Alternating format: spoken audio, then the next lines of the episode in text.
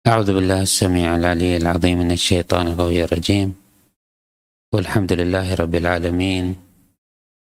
والصلاة والسلام على أشرف الأنبياء والمرسلين. سيدنا وحبيب قلوبنا بالقاسم محمد وعلى أهل بيته الطيبين الطاهرين المعصومين الميامين. روي عن أمير المؤمنين عليه أفضل الصلاة والسلام. أنه قال أتاكم شهر رمضان. وهو سيد الشهور وأول السنة. وأيضا روي عنه عليه أفضل الصلاة والسلام أنه قال أنا أول كل سنة أول يوم من شهر رمضان. كما روي عن الإمام الصادق عليه أفضل الصلاة والسلام أنه قال رأس السنة شهر رمضان. وأيضا روي عنه عليه أفضل الصلاة والسلام أنه قال أول شهور السنة عند أهل الحق شهر رمضان. بداية السنة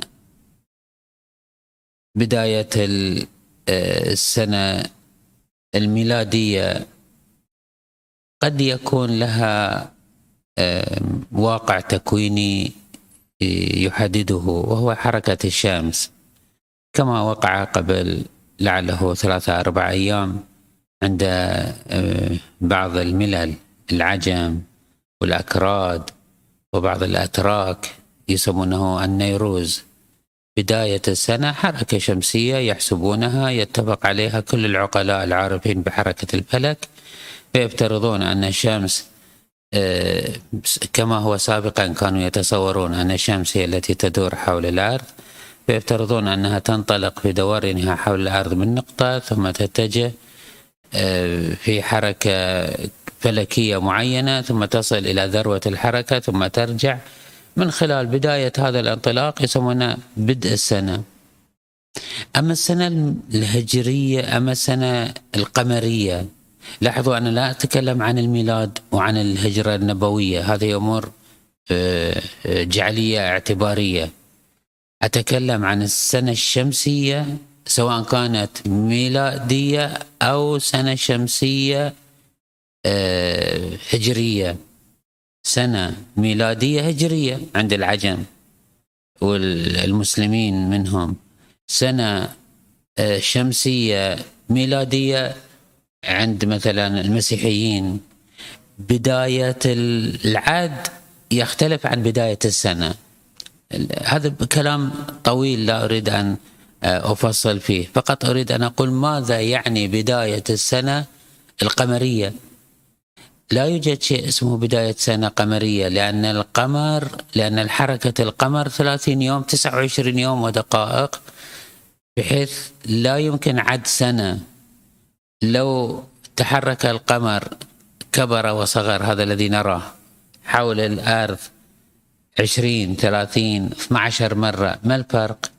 هو يكبر ويصغر لماذا نقول السنة 12 مرة؟ ليش مو 14 ليش مو 16 ليش مو 20 ليش مو 25 أمر اعتباري. ثم أنه ما هو بداية السنة. الآن كما ذكرت لكم هذا كلام يحتاج إلى تأمل ودقة في التمييز بين عالم الواقع وعالم الاعتبار. السنة الشهر لماذا هذا الشهر هو شهر الله رمضان؟ لماذا لم يكن الشهر الماضي؟ ما هو الضابط التكويني لهذا الشهر عن ذاك الشهر؟ كذلك الأيام الأسبوع ما هو الضابط أن اليوم السبت الأحد الأثنين؟ هذه أمور يبدو أنها أمور تواضعية جعلية اتفاقية نحن نستطيع أن نغير. قد يقال أن لها أفق تكويني وأفق واقعي. الآن هذا بحث آخر. ليس غرضي أن أتكلم فيه فقط أريد أن أجعله منطلق للحديث عما تريد الروايات الحديث عنه بداية السنة ما هو بداية السنة؟ طبعا نحن نقول بداية السنة هو محرم لأنه بداية السنة الهجرية. الرسول صلى الله عليه وآله هجر في ربيع وليس في محرم. الآن لا نريد أن نثير حالة تشكيك أريد أقول أنه هذه أمور اعتبارية الآن لأمر ما اتخذ المسلمون شهر محرم بداية حسابهم لسنتهم الخاصة. هذا راجع لهم. 12 شهر 14 شهر 30 شهر. هذا أمر أيضا تواضعي شهر هلالي طبعا. الشهر السنة القمرية السنة الشمسية لها ضوابط تكوينية. لا نستطيع أن نريد أن نتجاوز عن كل هذا المطلب. نريد أن نتحدث عن ما يخصنا في الروايات الواردة عن أهل البيت وكذا في بعض الأدعية خصوصا إذا تلاحظون الدعاء اليوم الأول في شهر رمضان. أيضا فيه لعله تكرر مرتين أنه في بداية سنتي هذه. يريد أن يشير إلى أنه بداية السنة هو اليوم الأول من شهر رمضان. الإمام الصادق عليه الصلاة والسلام واضح في الإشارة إلى ما يريد أن يقول. يقول عليه السلام أول شهر السنة عند أهل الحق. المسألة ليست عند كل أحد. عند من يريد الحق وأهل الحق وأهل العبادة وأهل الطاعة وأهل الارتباط بالله بداية سنتهم بداية سنتهم هو أول يوم من شهر آه، رمضان المبارك. وذلك أن الإنسان يحتاج إلى أن يجعل له نقطة انطلاق. يراجع فيها نفسه ليحسب كم قدم وكم أخذ إلى أين انطلق. البداية يعني أن هناك شيء بعد هذه البداية نقطة صفر بداية انطلاق. يعني أن هناك حركة يعني أن هناك تفاعل يعني أن هناك شيء ما قبل البداية وشيء ما بعد البداية. إذا للبداية هدفية هدفية الحق. مرة تريد أن تحسب حسابات مالية تجعل لك نقطة صفر سنوية دهرية أسبوعية هذا راجع لك. ومرة تريد أن تجعل لك نقطة بداية روحية حقية. تريد أن تقول ماذا كسبت وماذا خسرت. الإمام الكاظم عليه السلام هكذا ينسب له أنه كان يقول ليس منا من لم يحاسب نفسه في كل يوم وليلة. هناك لا يجب أن يكون نقطة محاسبة نقطة انطلاق. الرواية تريد أن تقرر هذا المعنى. بداية سنتك الروحية هو الانطلاق في هذا الشهر الكريم. هذا يعني أنه هناك حركة وهناك نقطة صفر وهناك آه، منصة انطلاق كما تعبرون اليوم. ولكن الحركة يمكن أن تتصور على ثلاثة مراتب كما هو مراتب الإنسان أصلا. إذا الإنسان عنده حركة بدنية تقوم وتقعد وتنطلق من نقطة إلى نقطة هذا واضح. حركة بدنية تحتاج إلى عضلات وتحتاج إلى قوة وتحتاج إلى تفعيل الجوارح. ولذا تجد كثير من الناس يمارسون رياضة ونشاط ولتقوية الجوارح لإبقاء حركتهم في ذروتها وفي قوتها وفي نشاطها. كذلك هناك حركة فكرية.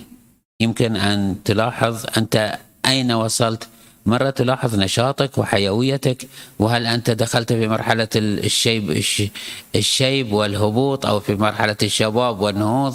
فتجعل لك نقطة صفر ونقطة انطلاق. كذلك يمكنك أن تجعل نقطة انطلاق لمستواك الفكري. ماذا أحط بالمعروف بالمعلومات والمعارف والذكاء والفطنة؟ فتجعل لك في كل كما يفعل آه، في المدارس مثلا وفي المعاهد العلمية. يبدأون سنة معينة وفي نهاية السنة يقدمون امتحان وفحص للتمييز بين من طوى مرحلة ومن كان متلكئا ومن كان آه، باقيا في محله. إذا هناك حركة فكرية والإنسان دائما وأبدا يحتاج إلى أن آه، يضع لنفسه مراجعات بدنية وفكرية وروحية أيضا.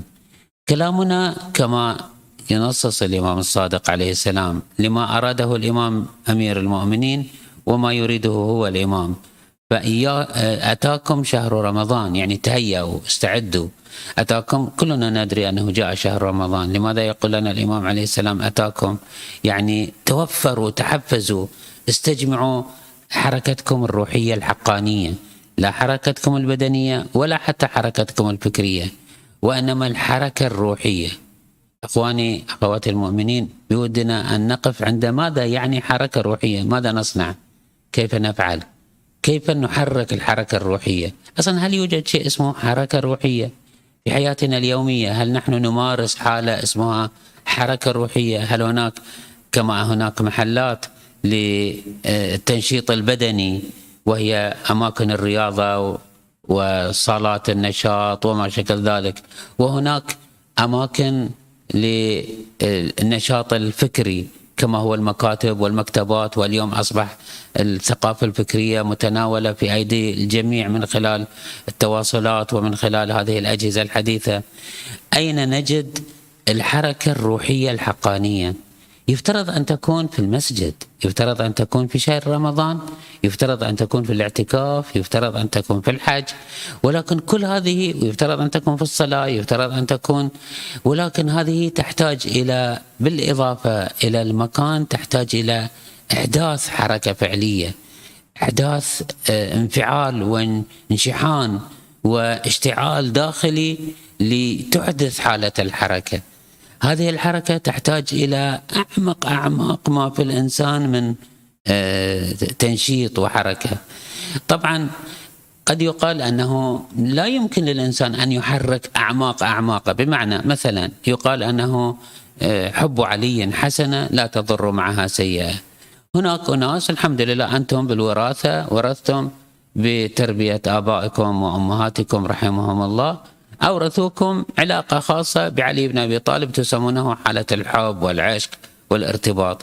زين بعض الطوائف الذين ما ربوا على هذه الحالة ربوا على أفضلية فلان وفلان وفلان ثم يأتي علي بن أبي طالب أو أنه هل المسألة مسألة تربية ووراثة أو أنه يمكن أن تغير هذه الحالة التي في نفسك؟ الحب يمكنك أن تغير. أنت تحب شيء تستطيع أن تترك حبك لهذا الشيء وتنتقل إلى حب شيء آخر. البعض يتصور أنه الحب والبغض أمور خارجة عن تدبيري. ليست أمر باختياري. أنا ربي عشت في بيئة معينة آه، تشجع جهة معينة. الآن تريدني أن أترك هذا الشيء الذي أحبه وانتقل نعم أستطيع أن أتناول تفاحة أو حركة بدنية أستطيع أن أختار أتناول هذه التفاحة أو تلك أتناول عنبا أو مثلا رمانا. في التفكير أستطيع أن أتبنى فكرة معينة ثم أدرسها وأتمر نظرية معينة ثم يتبين لي بطلانها وأغير. نعم. أستطيع أن أغير في حركتي الفكرية لكن كل الكلام ماذا يعني أن أغير وأن أجعل لي نقطة انطلاق في حركتي الروحية؟ هل يمكن أن تكون هناك إرادة واختيار في حركتي الروحية. سوف أختم حديثي في هذا اليوم بوضع المنصة وغدا إن شاء الله سنتحدث عن حالة الانطلاق. المنصة تقول لاحظوا أخواني بداية هذه السنة يجب أن ننقل قلوبنا من حب الدنيا إلى حب الآخرة لأن الدين ليس إلا وهل الدين إلا الحب والبغض؟ صلى على محمد وآل محمد.